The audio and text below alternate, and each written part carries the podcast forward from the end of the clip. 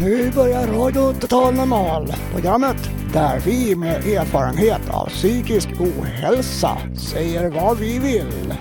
Vi som är med har alla erfarenhet av psykisk ohälsa.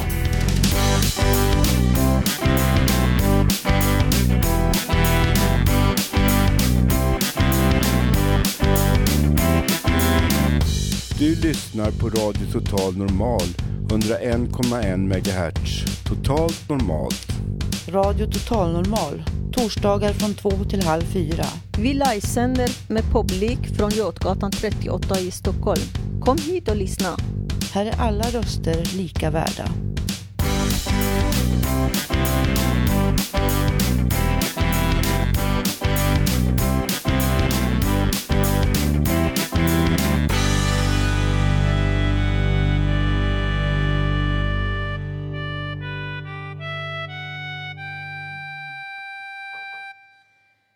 Tervetuloa kuuntelemaan kaikki ihmiset radio-ohjelmaa Radio Total Normal. Oj då, det var miss, visst mitt finska ursprung som gjorde sig påmind.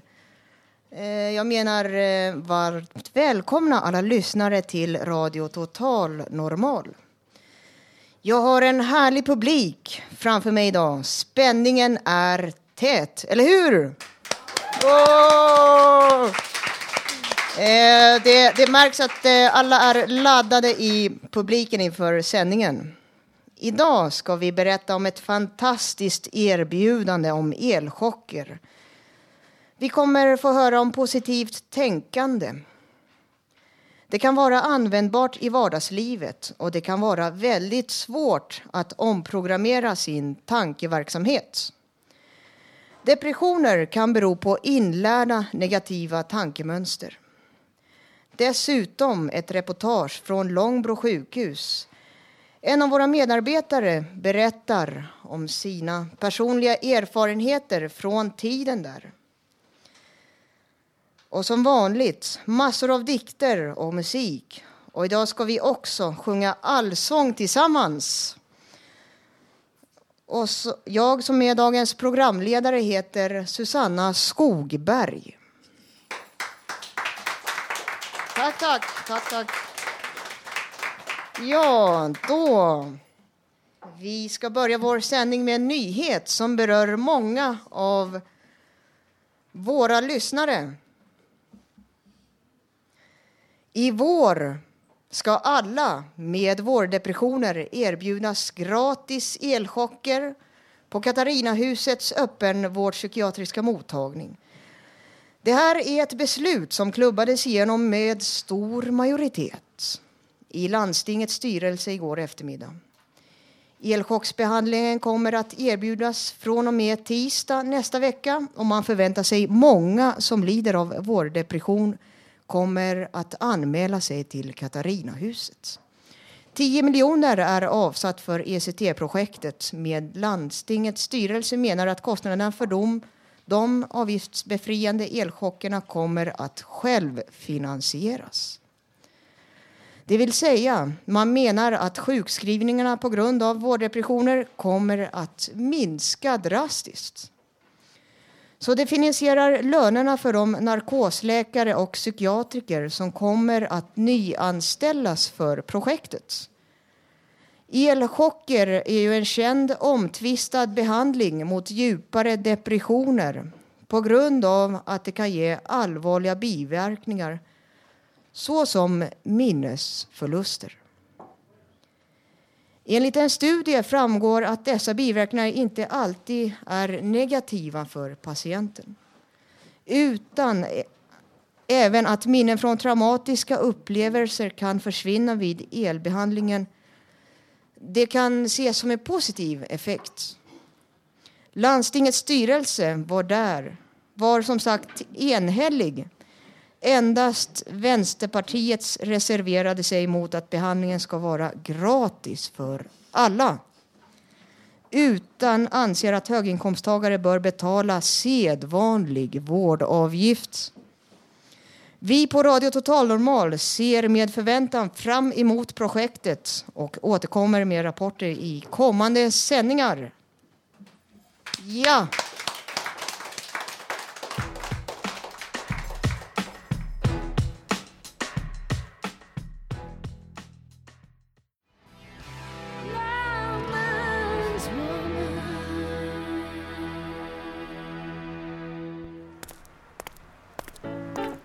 Rakt in från Stockholms gator. Nya frågor från Radio Total Normals reportrar.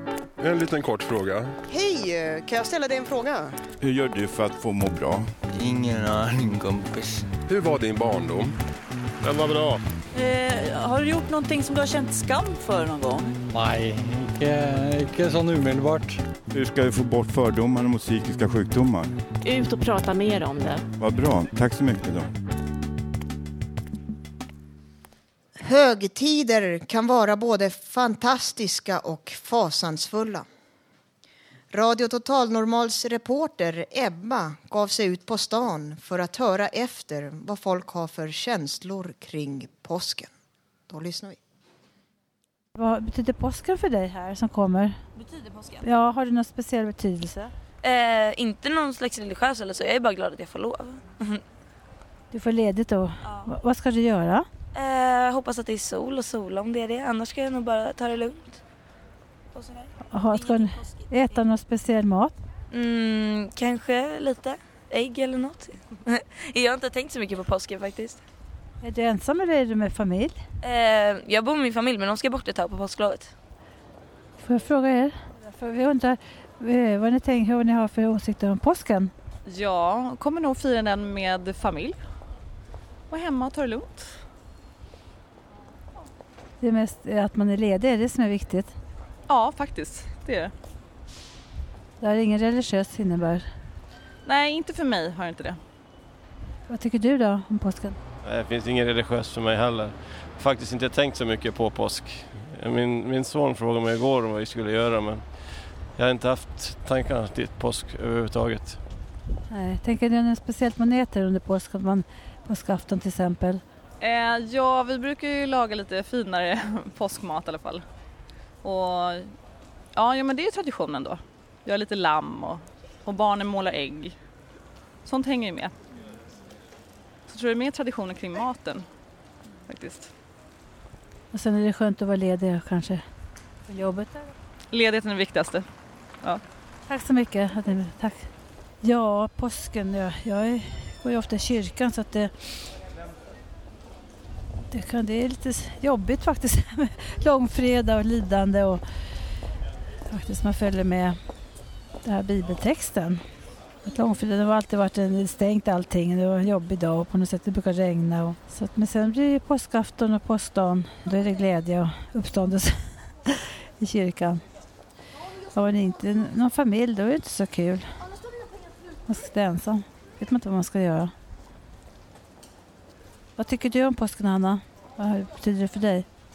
Jag tycker att påsken är en av mina favorithögtider faktiskt. Just för att det inte finns några förväntningar på påsken. Utan vi brukar åka till landet och bara hänga där. Så brukar vi äta mat, det är inte så jättegod mat faktiskt på påsken. Det kan jag inte påstå att jag tycker. Det är så ägg och potatis typ. Och sill, det är liksom inte så spännande. Men jag tycker bara att det är trevligt. Man, vi brukar ha det väldigt lugnt och skönt på påsken. Inga, ingen som har, kommer dit med några uppskruvade förväntningar eller sådär. Utan vi brukar bara hänga hela dagen. Och jag tycker också ofta att det brukar vara fint väder på påsken. Så att jag gillar påsken faktiskt. Och sen är det så här, nu är våren här, högtid på något sätt. Så man käka godis, det är ju trevligt. Eh, Religiöst så betyder inte påsken så mycket för mig. Jag får fråga dig här vad du tänker på påsken innebär för dig. Ja, det blir träffa familjen och mm, ja, ha mysigt med mat och, och bara träffas med alla nära. Det har inte med tanke på kyrkliga bakgrunden. Vad påsken, vad- varför det firar påsk. Nej, jag är inte så jättekristen så jag tänker inte på det egentligen alls. Det är något positivt i alla fall att man är ledig. va? Ja, precis. Alltid positivt att få träffa alla och om det, man får lite lugn och ro och, och så. Det är jättebra. Vad ska du göra i påsk? Eh, Jag ska vara hemma och eh, fira påsken. Hur firar du påsken? Nej, men, eh, Man eh, pyntar lite hemma med gult och orange gardiner kanske. Lite dukar. Inte jag, det är min mamma som gör det men det blir hela stämningen. Är det något speciellt du vill, man käkar? Jag vet inte, påskmat. Det är som julmat fast utan julskinka.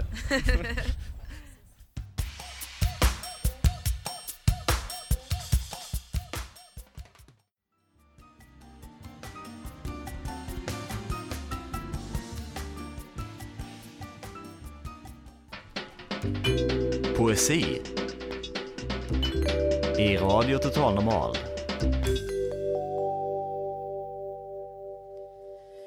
Nu ska vi få höra dikten Vintersömn av Karin Lundgren.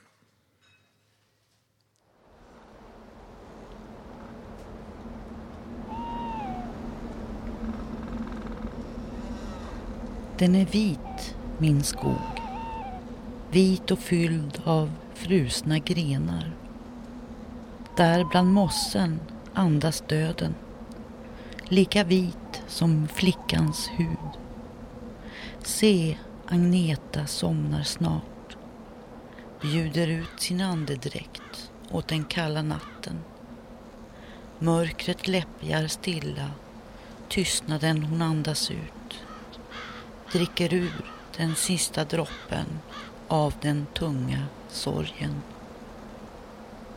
Se Agneta somnar snart, ger sitt sista andetag åt den svarta natten. Mörkret kallar, livets varma färger flyr. Kinden lyser vit av frostkristaller. Denna natt bär sorgeflod. Den är vit, min skog. Vit av stjärnors frusna glitter. Där syns månens klara sken. Bereda väg för nattens Gud. Lugnt hon sover, min Agneta. Lugnt som bara döda kan. Vit står skogens höga barm sänker sina silvergrenar mot en kropp som varit varm.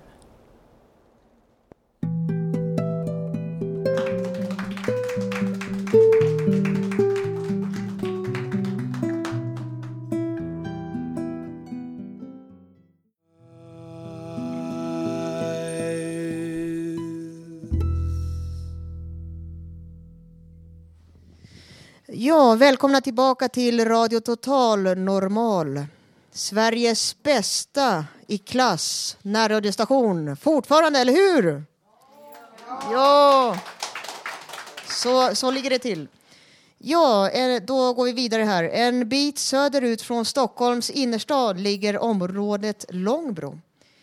I en vacker park ligger Långbro sjukhus som var ett Eh, en av de stora mentalsjukhusen i Sverige. Långbro byggdes vid sekelskiftet och lades ner i början av 90-talet. På Långbro område finns nu vanliga bostäder och de stora byggnaderna från sekelskiftet som idag används som bland annat dagis tronar mitt i parken. Vår medarbetare Janne Holmbring har egna erfarenheter från den gamla institutionen och besöker nu sitt gamla rum inne i huvudbyggnaden. Och Janne samtalar om Långbro med vår medarbetare Mr X om sina erfarenheter från sin tid på sjukhuset. Då lyssnar vi.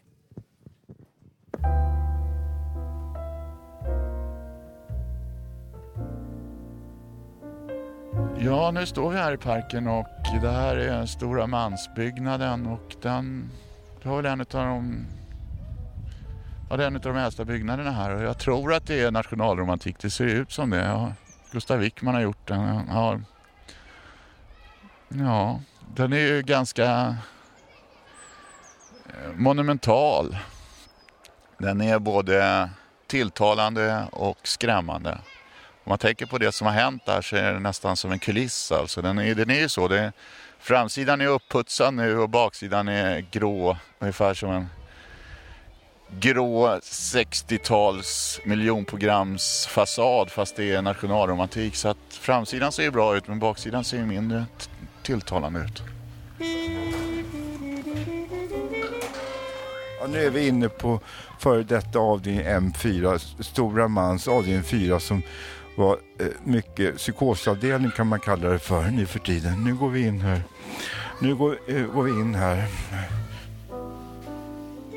Och här går man till, okej, okay.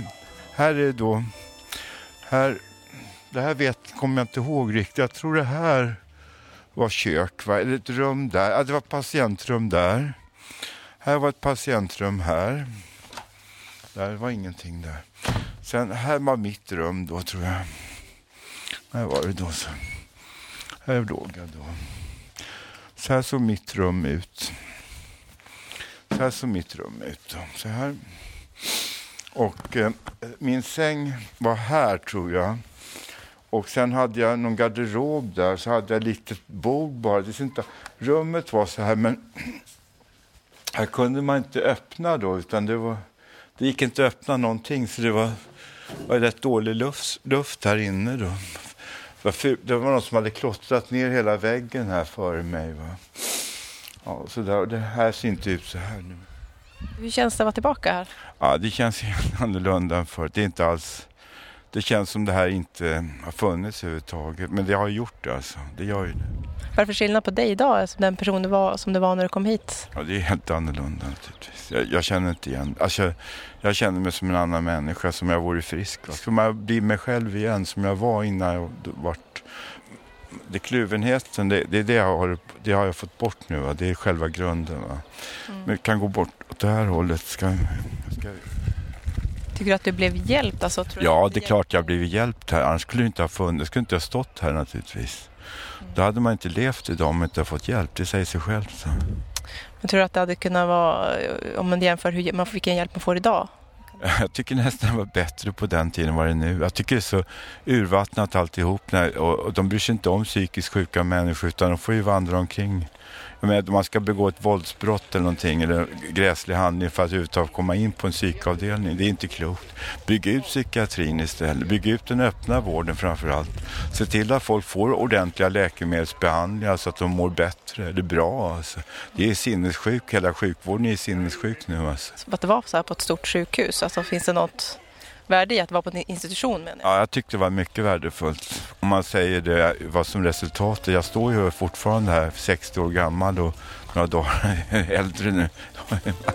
ja, men, och jag har överlevt allt det här. På nätterna här, då fick jag... Ja, det var det här. Jag fick ligga i bälte här då, i säng på nätterna då. Ibland var det så, ett övergrepp var ju det att eh, jag fick inte gå på toaletten så jag var ju där att jag kissade på mig så rann ner urin på golvet och sånt där. Det var inget trevligt här. Va? Det var lite jobbigt och stö, stökigt här, jättejobbiga människor och jag var också jobbig naturligtvis. Så var det här. Det, ser, det här är inte, det ser inte ut så här. Och sen här kunde någon patient kunde låg här på golvet. Va? Och någon som hade gjort, här gjorde något litet att vi gjorde några altare här tror jag. Det var lite religiösa inslag. Vi hade lite psykoser, religiösa psykoser kanske. Här var ett annat rum här då. Ja, det var tre, pass, tre rum här då. Det, här var ett annat rum. Här var det. Så här är ett annat rum till här. Här är ett till rum här då.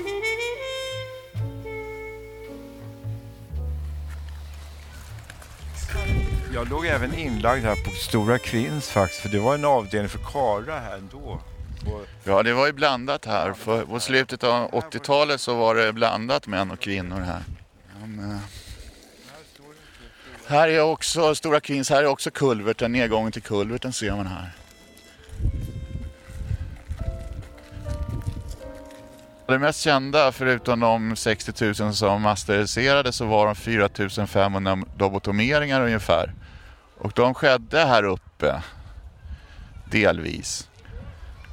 Och jag kände, när jag träffade en sjuksköterska som biktade sig för mig. Hon var 20-talist och hon hade närvarit på en lobotomering. Hon mådde ju dåligt resten av livet och då eh, ville hon jobba ute bland patienter i, i, i, i, i ska man säga, i träff, på träfflokaler och så för att hon ville inte jobba inom, inom, inom slutenvården för hon mådde så dåligt av det där sa hon. Sverige var väl en av de första länderna som i, mitten, eller i början och mitten av 60-talet slutade med det här. Så att det är historia här så att det är ju inte lika grymt som på andra ställen men, men vi har ju fått en del av sleven också så att säga.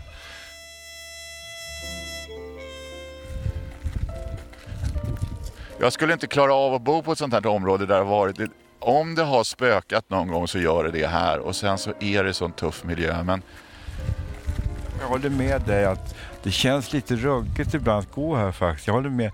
Jag skulle inte vilja bo heller här för att jag är absolut inte tror på spöken men jag tror på eh, otrevliga drömmar och, och sånt där obehagligt på nätterna. ja, du menar att det kommer tillbaka en massa minnen och sådana saker. Det är precis som det här huset. Fasaden är ju fin eller som en del säger vacker och baksidan kanske är lite rå och så. Så att det, det är både det är inte alltigenom ont det här området heller men det är ju det är, ju- det är en speciell atmosfär. Det är det.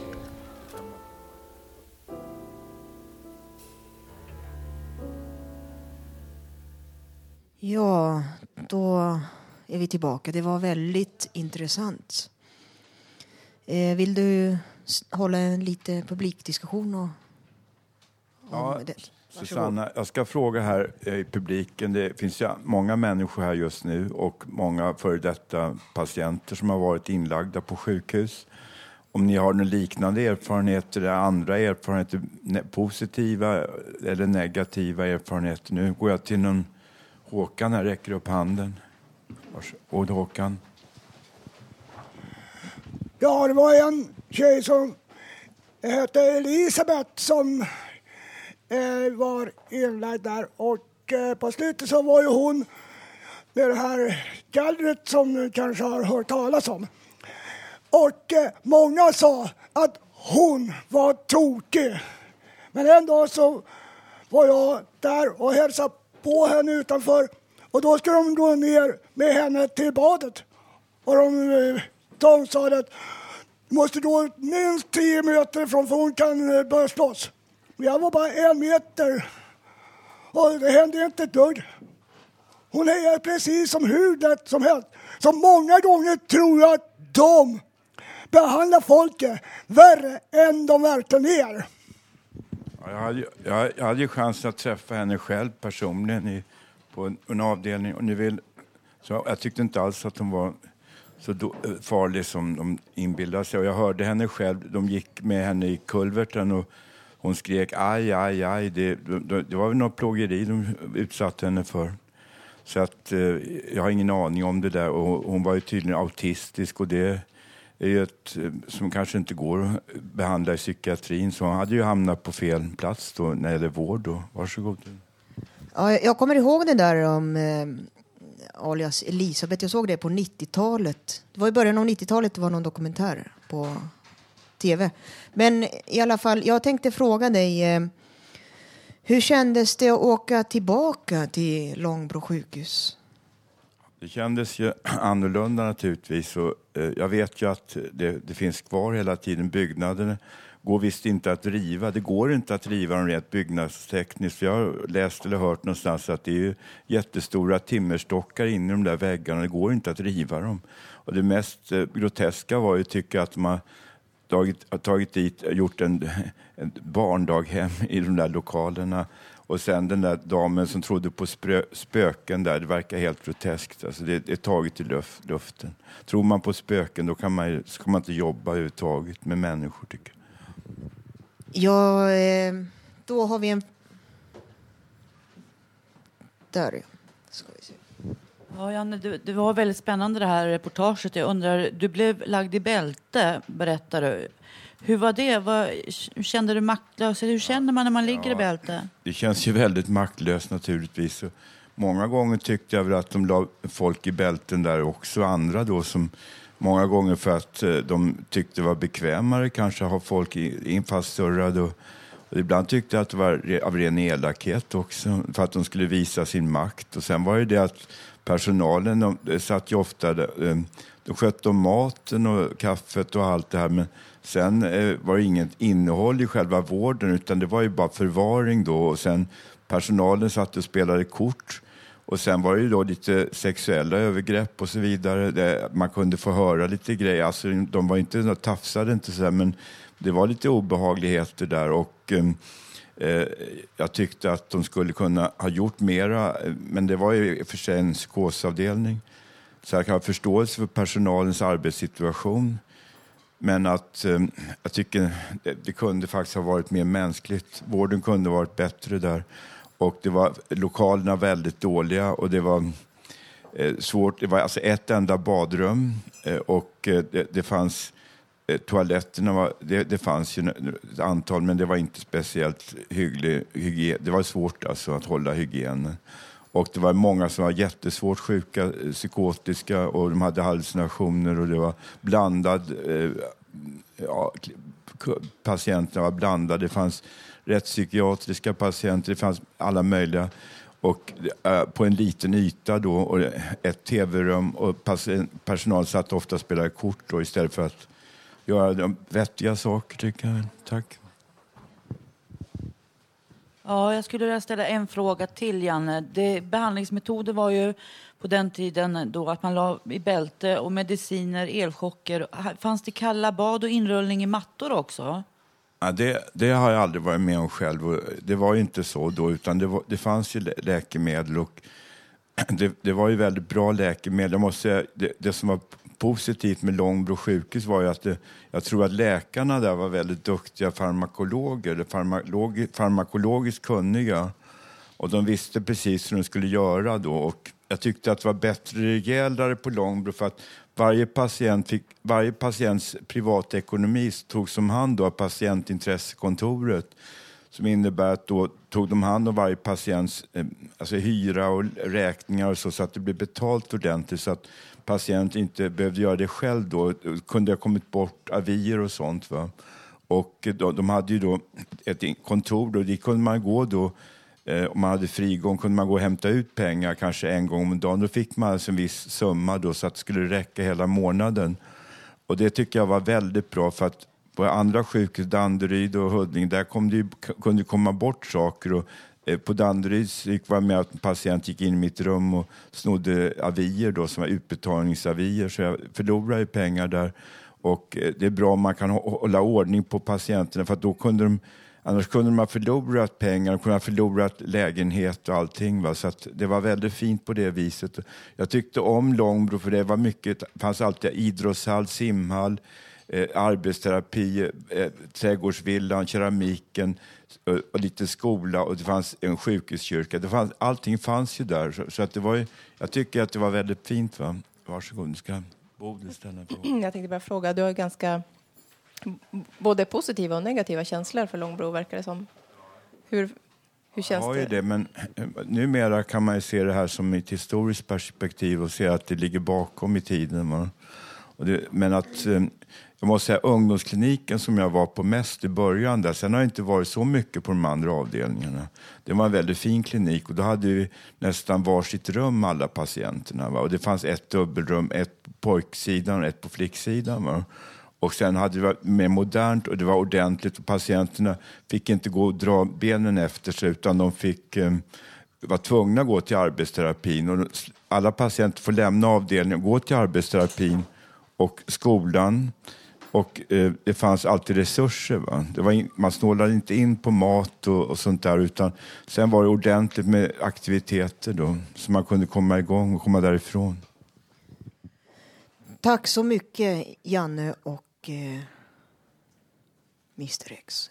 Tack så mycket, jätteintressant. Tack.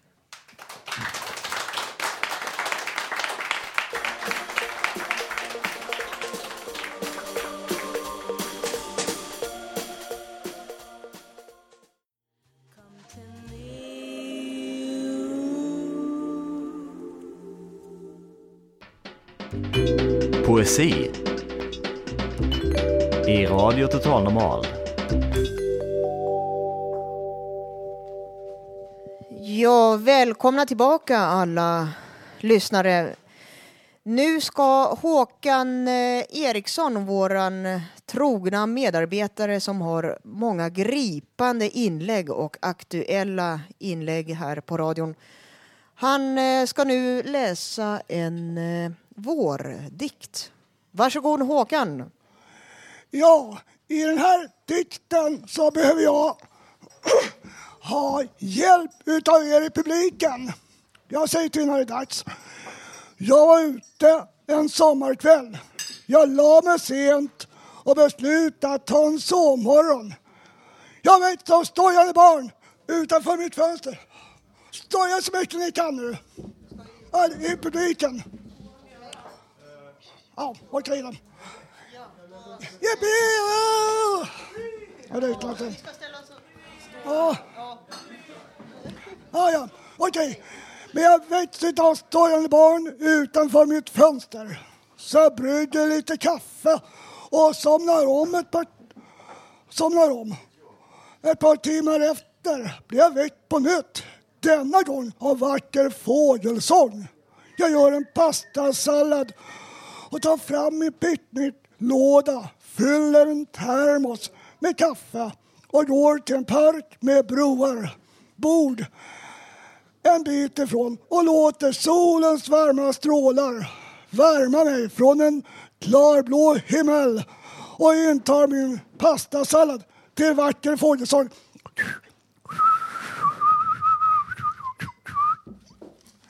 Tack för mig!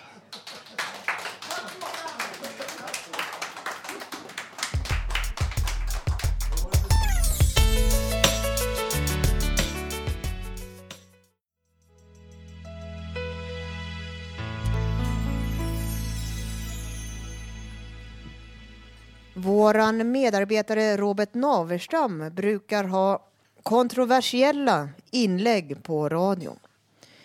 Idag ska vi få höra ett debattämne, påsken och dess helger, mänsklig samvaro. Varsågod Robert. Ja, det här är Robert Naverstam här med ett debattinlägg här på, på fredagen, eller torsdagen blir det. Idag var det onsdag och vi hade påsklunch på aktivitetshuset. Det var bra med mat, ägg, sill, diverse köttbitar och annat. För det fick man betala det för facila priset av 50 kronor. Och det var väl, det, väl, det väl, väl, väl bra värt. Sådana saker är, det nästan, är nästan det enda man kan göra som man åtminstone kan ha lite koll på. Även om det kan synas krast är detta allt man ska få av resten av livet. Att man ändå ska få detta. Visst är det väl ändå bra? Det är ju så. Ingen, det är ju så. Ingen ska behöva svälta ihjäl i Sverige. Det är ju så. Ingen behöver svälta ihjäl i vårt avlånga land. Inte i de allra flesta fall. Visst är det väl bra? Ja, visst är det väl bra, men ändå. Ja, det är ju toppen, men ändå. Krasst sett är det allt man ska få. Vi hade påsklunch igår. Visst var det väl bra? Men ändå är det allt en människa ska få. Visst var det väl bra? Men ändå är det allt en människa som måste ska få. Är jag elak och menande? Om jag frågar enkel och välmenande är detta allt en människa som måste ska få. Visst är det bra. Visst är jag tacksam. Visst var det gott. Men jag vill ha hela kakan, ändå hela kakan. Som herr välfylld mage och personalchef, full plånbok, får alltid två barn, glad söt fru, frisk snäll vovve, villa och båt med både köl och segel. Är jag bara avundsjuk som säger att det där vill jag också ha? Eller åtminstone få lukta på blotta tanken. Är det så? Är jag bara elak och avundsjuk? Vad skulle ni säga? Tack för mig. Slut.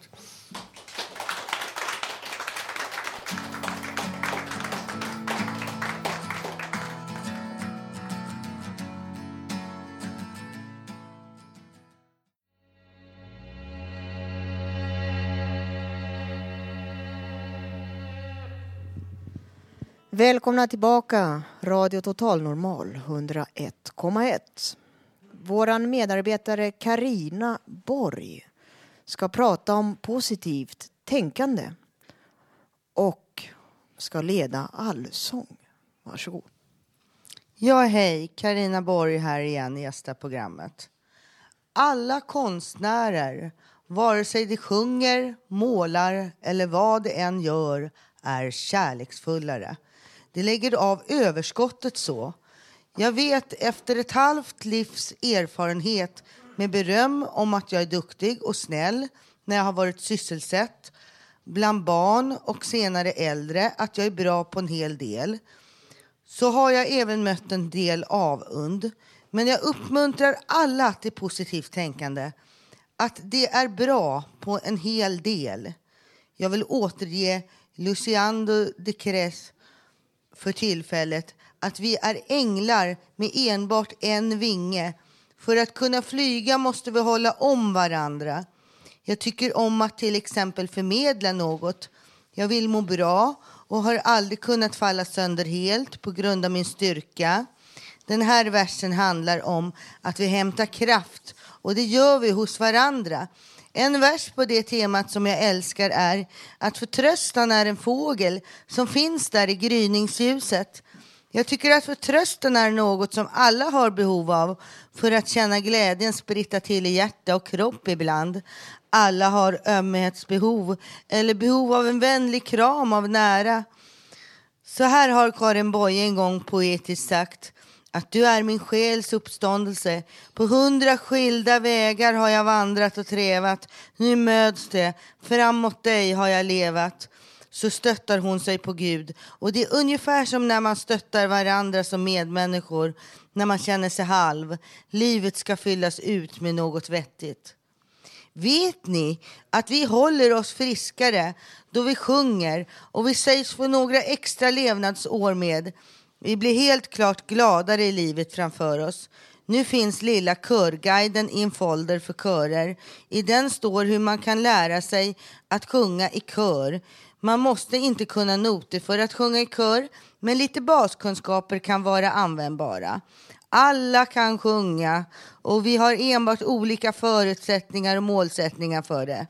Otränade i rösten tycker att det känns bättre i lägre tonlägen och i takt med att man tränar upp sångmusklerna kan det visa sig att det fungerar bättre i sopran eller tenorstämman och det prövar man sig fram till.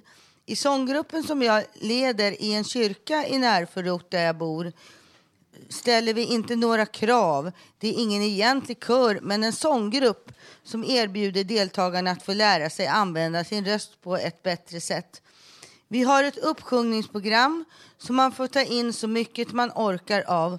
Till exempel till en början är det övningar som handlar om att stå upp axelbrett mellan fötterna med lite svikt i knäna. Snarare som en magdansös än en hösäck, men utan att dra upp axlarna.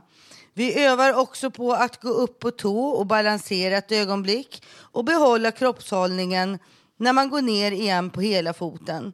En regel är då att inte sjunga i hög klack. Om man lättar lite fram på tå som när en delfin hoppar då kan man tänka sig in i hur svårt det är att behålla rösten när man sjunger i högklackat. Man sjunger ända nerifrån tårna. En annan övning är att sträcka upp armarna rakt ovanför sig, pendla kraftigt med raka armar och låta den falla framåt, neråt, bakåt. Det är mycket teknik bakom att sjunga och det lär sångövningar ut. Svårast är att få en snygg ihopbackning av kroppen ifrån början som knappt blir märkbar när du ska sjunga. Man stretchar till slut bak vid svanken på orden som sjungs. När man sitter gör man det upprätt med båda fötterna i golvet. Även detta för att det ska låta som bäst och utan ansträngning i översta nackkotan.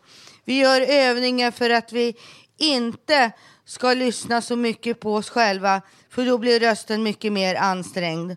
Om vi inte lyssnar på oss själva så låter det bättre. Nu ska vi sjunga allsång här i publiken. Det vill ni va? Ja. Det blir Vem kan segla för utan vind? Bo bom bom bo bom bom ba bo bom bom ba bo bom bom ba vem kan segla förutan vind? Vem kan ro utan åror? Vem kan skiljas från vänner sin utan att fälla tårar? Jag kan segla för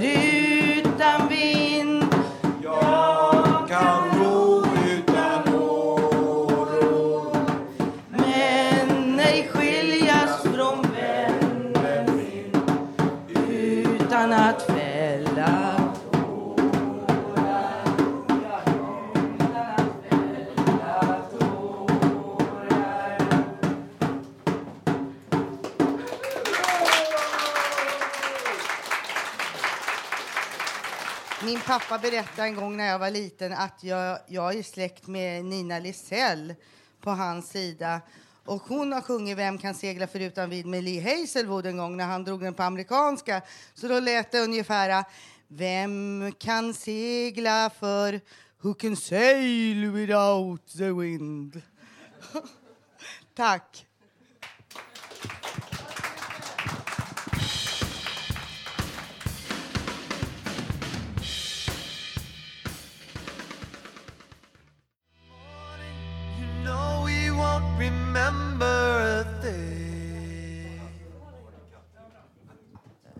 Välkomna tillbaka. Eh, Björn Asplund som eh, är klubbhusets chef här på Fountain House och eh, ska tala om eh, eh, slutenvården. Det var i tv om eh, en reflektion det här som gick på tv om slutenvården.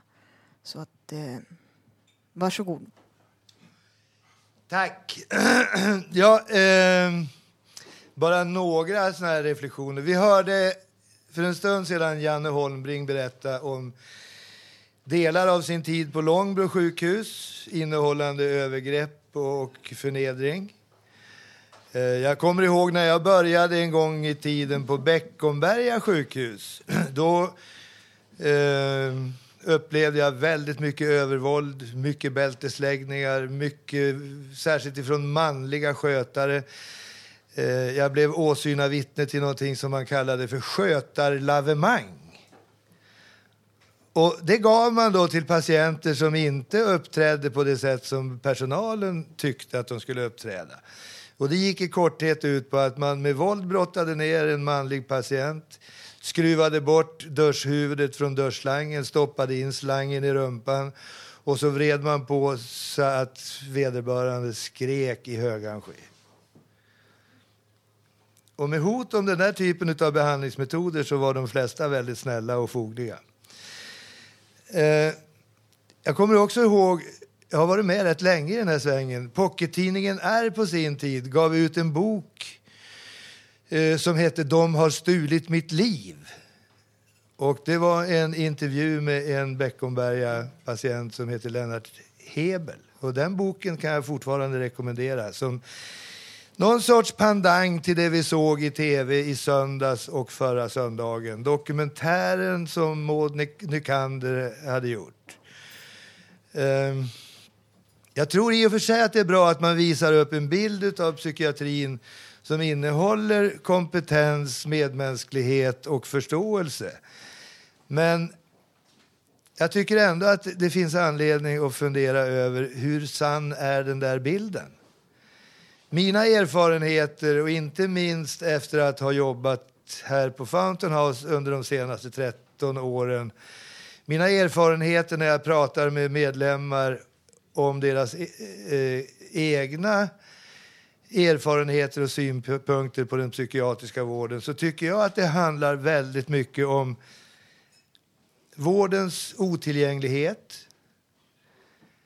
Det handlar om att eh, man utsätts för kränkningar, ständiga läkarbyten, taskig kontinuitet i personalgrupperna.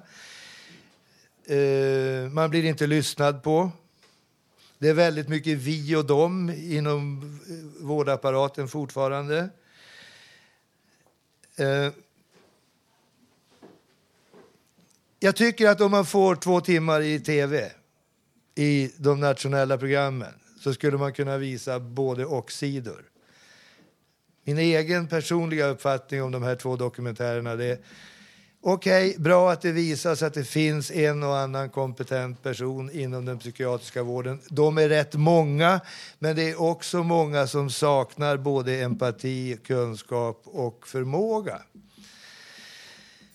Och jag gillar att sticka ut huvudet, och, eller hakan, eller hela kroppen ibland. Och, och jag skulle vilja ta en diskussion inte bara med er som sitter här som åhörare, utan vi skulle kunna få öppna upp en diskussion och kanske till någon sändning framöver i RTN bjuda in någon företrädare för den psykiatriska vården så kunde vi få en liten debatt i detta ämne. Ja, allt nog. Eh, skötarlavemang och övergrepp. Det är skönt att den tiden är över. Men det finns också fortfarande idag en väldig massa saker som vi behöver ta upp till diskussion, som vi behöver kritiskt granska.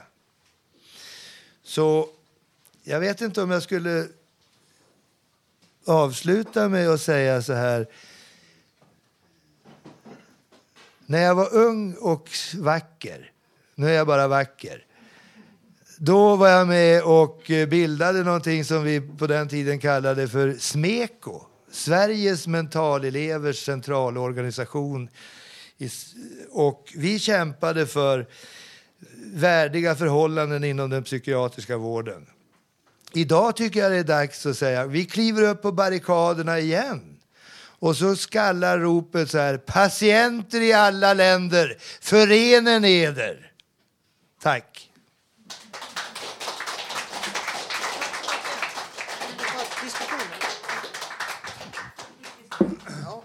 Finns det några spontana reflektioner eller kommentarer till detta något pompösa inlägg? Hej, tack så mycket, chefen. Eh, jo, det, eh, jag såg också de här två dokumentärerna på tv och jag tyckte att det var en skönmålning utav den slutna psykiatrin som inte existerar. Den här läkaren som var till exempel en av huvudpersonerna, han var väldigt sympatisk, han hade tid för alla patienter och eh, bältesläggningar skedde bara i absoluta, absoluta nödfall.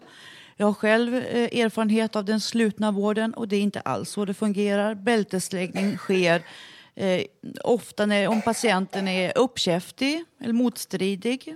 Och tvångsmedicinering, man brottas ner och får en spruta. Så man går omkring som en grönsak i tre, fyra dagar innan man kan kommunicera med omvärlden. Så det är min erfarenhet. Och med uppkäfter kanske du menar att man hävdar sin rätt? Robert? Jag vet inte om jag har blivit något sorts privilegierad som patient eller hur det har varit. Jag har aldrig en enda gång blivit bälteslagd. Och jag har varit inlagd några gånger och då har jag rent instinktivt tagit det lugnt och inriktat mig på att röka, sova och äta och koncentrerat mig, mig, mig, mig på detta och eh, inte bråkat med någon hur det nu grejat. Det Det måste ju den där Sjödinterapin som låg i grunden. Men i alla fall så har, har, jag vet inte, men jag har sett naturligtvis killar som har, har lagts in och som har lagt på magen liksom. Och, ja. Du är en god strateg. Men det blir nog din tur också kanske. Wait and see. Fler? Uh, numera så uh, behöver man inte bekymra sig för jag tänker aldrig mer lägga in mig på sjukhus. Tack för mig jag eh, kan hälsa till alla vårdare och personal att ni, nu, har ni, nu har ni gjort ert. Tack för ordet. Jag tänk, kom att tänka på det, inte så länge sedan vi såg ifrån eh, Sidsjöns sjukhus en flicka, ung kvinna som hade suttit med såna här handskar under tre månader. Så det förekommer nog en ett och annat bakom de där slutna väggarna fortfarande idag. Här kommer också en man. Ja, det är väl så här att om man tittar ibland så får man såna här déjà vu-upplevelser. Att det är inte alla bland oss för att antingen var vi väldigt unga eller så fanns vi inte på den tiden. Men det, det fanns ju något som hette 60-talet och på den tiden så var ju polisbilarna vita och svarta. Och det är väl lite grann det här att dela in människor i onda och goda. Det har ju sina sidor. Det finns ju gråzoner också. Och eh, jag tänkte lite grann på det här med, med eh, arbetarkamp och så vidare. På den tiden så eh, var man ju väldigt negativ till president Nixon, men nu är det ju president Obama som är, som är president och, och Vietnamkriget är avslutat så att de här skånska kommunisterna kan ju inte göra så mycket mer. Uh, ja, uh, vad nu Nixon och Obama har med bältesläggning att göra, det... Jag tänkte bara, för er som är nyfikna, det är ju förfärligt det här som vi har pratat om nu med övergrepp och sådär. Men för inte så hemskt länge sedan i det här landet så använde man en behandlingsmetod som heter att sätta hank. Kolla det på Google vad det innebar. Eller att sitta i svängbädd. Det är eh, jättespännande behandlingsmetoder. Tack. Eh, kan jag fråga snabbt? Går det bra? Om jag hinner. Jo, eh, jag kommer ihåg eh, förut. Eh, jag var ihop med en kille faktiskt. Eh, Det var som sjutton. Ja, precis. Han jobbade på Beckomberga. I- Han jobbade där. Han började där eh, på 90-talet innan omorganisationen och han hade ingen vårdutbildning. I- Det är lite liksom att inte ha eh, utbildning i psykiatriska sjukdomar. Det vet du, man får väl ingen utbildning inom psykiatrin. Man får inget arbete utan utbildning idag. Jag är lite förvånad att, att det blev så förr i tiden. Ja, det är, alltså, idag är det ju så att det finns ju inte någon som kan gå ut ur skol, eh, sk- skolsystemet utan att ha med sig en yrkesutbildning. Men sen hur de är eh, liksom preparerade för att klara jobbet, det, det är kanske en helt annan fråga. Ja, jag kan säga att han förstörde mitt liv. Fast jag träffade inte honom när jag var patient i psykiatrin, den här killen då. Men så är det. De har förstört mitt liv, det sa Lennart Hebel också.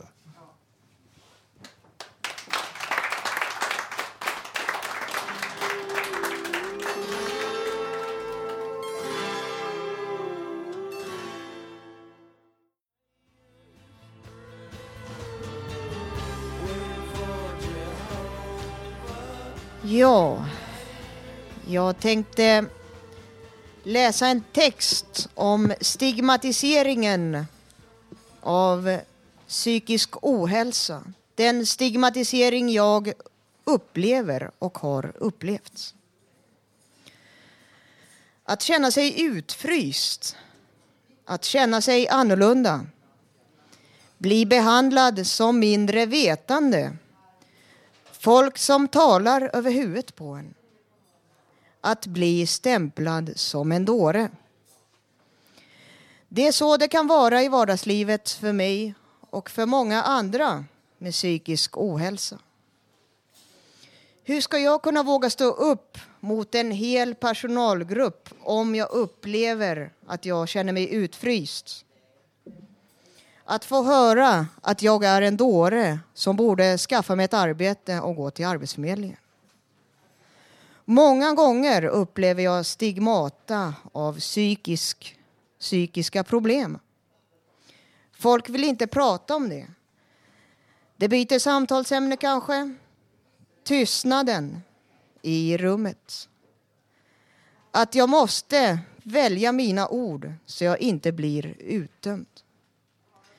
Varför denna stigmatisering? Tror folk överlag att de flesta som har psykiska problem är farliga? Har svåra diagnoser och är, är inlåsta under tvångsvård? Visst finns det personer som är farliga och som är bakom lås och dörrar, men det är heller ej för tid och evighet. Det är inte alla som har svåra diagnoser eller är hospitaliserade. Det är inte heller att ha svartvit antingen eller. Man ska ej döma boken efter omslaget. Tänk på det. Det kan drabba en själv, psykisk ohälsa. Bättre att ta avstånd, så agerar många. Rädslan brukar ta överhand. Avståndstagandet som i sin tur skapar denna stigmatisering. Att ta avstånd, lägga locket på, att ej prata om sorg, rädsla, oro och ångest. Att lägga locket på, att vara en övermänniska, felfri fysiskt och psykiskt. Kanske göra plastikoperationer, det är väl inne att kvinnor gör det, jag vet inte riktigt. Elitnivå, perfektionismens värld. Det är ofta en, eh, som en Hollywoodfilm, en utopi. Det är nog bäst att öppna locket, våga bry sig om sina medmänniskor, våga lyssna och prata om känslor. Försöka vara medmänsklig. Det kan vara en väg mot en öppnare klimat kring psykisk ohälsa. Jag försöker i alla fall bryta tystnaden och skamkänslan som jag har haft att jag varit sjukskriven länge och tala öppet, öppet om det här. Så um, mina medmänniskor, ge fasiken inte upp. Låt er inte brytas ner. Tack för mig!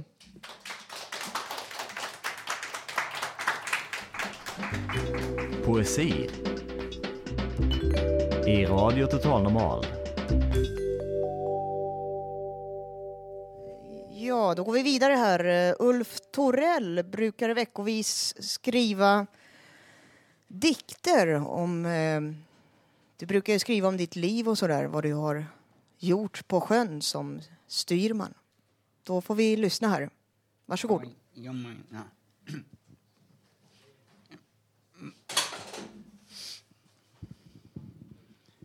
Midsommar var ju nu, nu 2010. Maj var år 2009. Jag bor i Hammarbyhöjden. Mm, mm, mm. Kanske nästa år, 2011, ett fartygresa 1969, 70 jag var på en tid sedan. Båten kom till sjön Atlanten, Panamakanalen. Jag var i Sydamerika, Europa, Hamburg, Tyskland, Antwerpen, Belgien. Idag är fredag, mars. Igår torsdag, natten, mörk morgonkväll. Månen lyser, stjärnan blinkar. Förra månaden var februari. Ja, 57, oktober var höst. Men lite morgon i lördag och fredag 26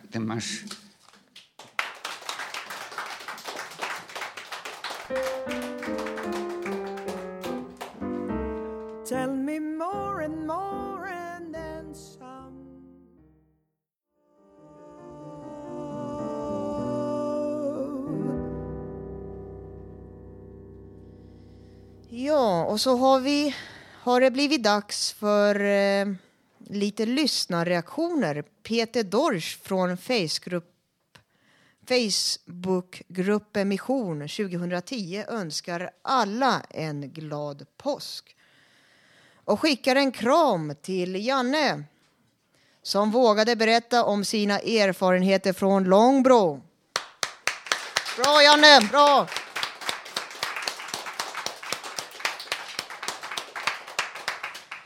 Och till er som kommenterat att ni missat programmet. Imorgon ligger programmet uppe på vår hemsida och då kan ni lyssna på programmet och alla andra gamla program när ni vill.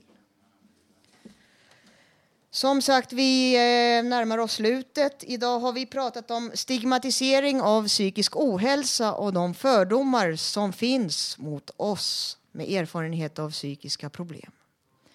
Reportaget från Långbro sjukhus har vi fått höra och Björn Asplund har reagerat på hur slutenvården har skildrats på tv på sistone.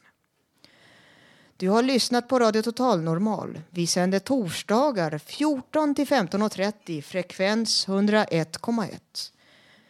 Du kan mejla oss om du vill få kontakt eller ha åsikter om programmet. Gå in på vår hemsida www.radiototalnormal.se. Där har du möjlighet att skriva i gästboken också. Dagens musik är vald av Karin Lundgren och Gustav Sondén. Producenter idag har varit Karin Lundgren och Hanna Samlin. Projektledare Bodil Lundmark. Och jag som har varit programledare heter Susanna Skogberg. Och några slutord. Döm inte boken efter omslaget. Tack!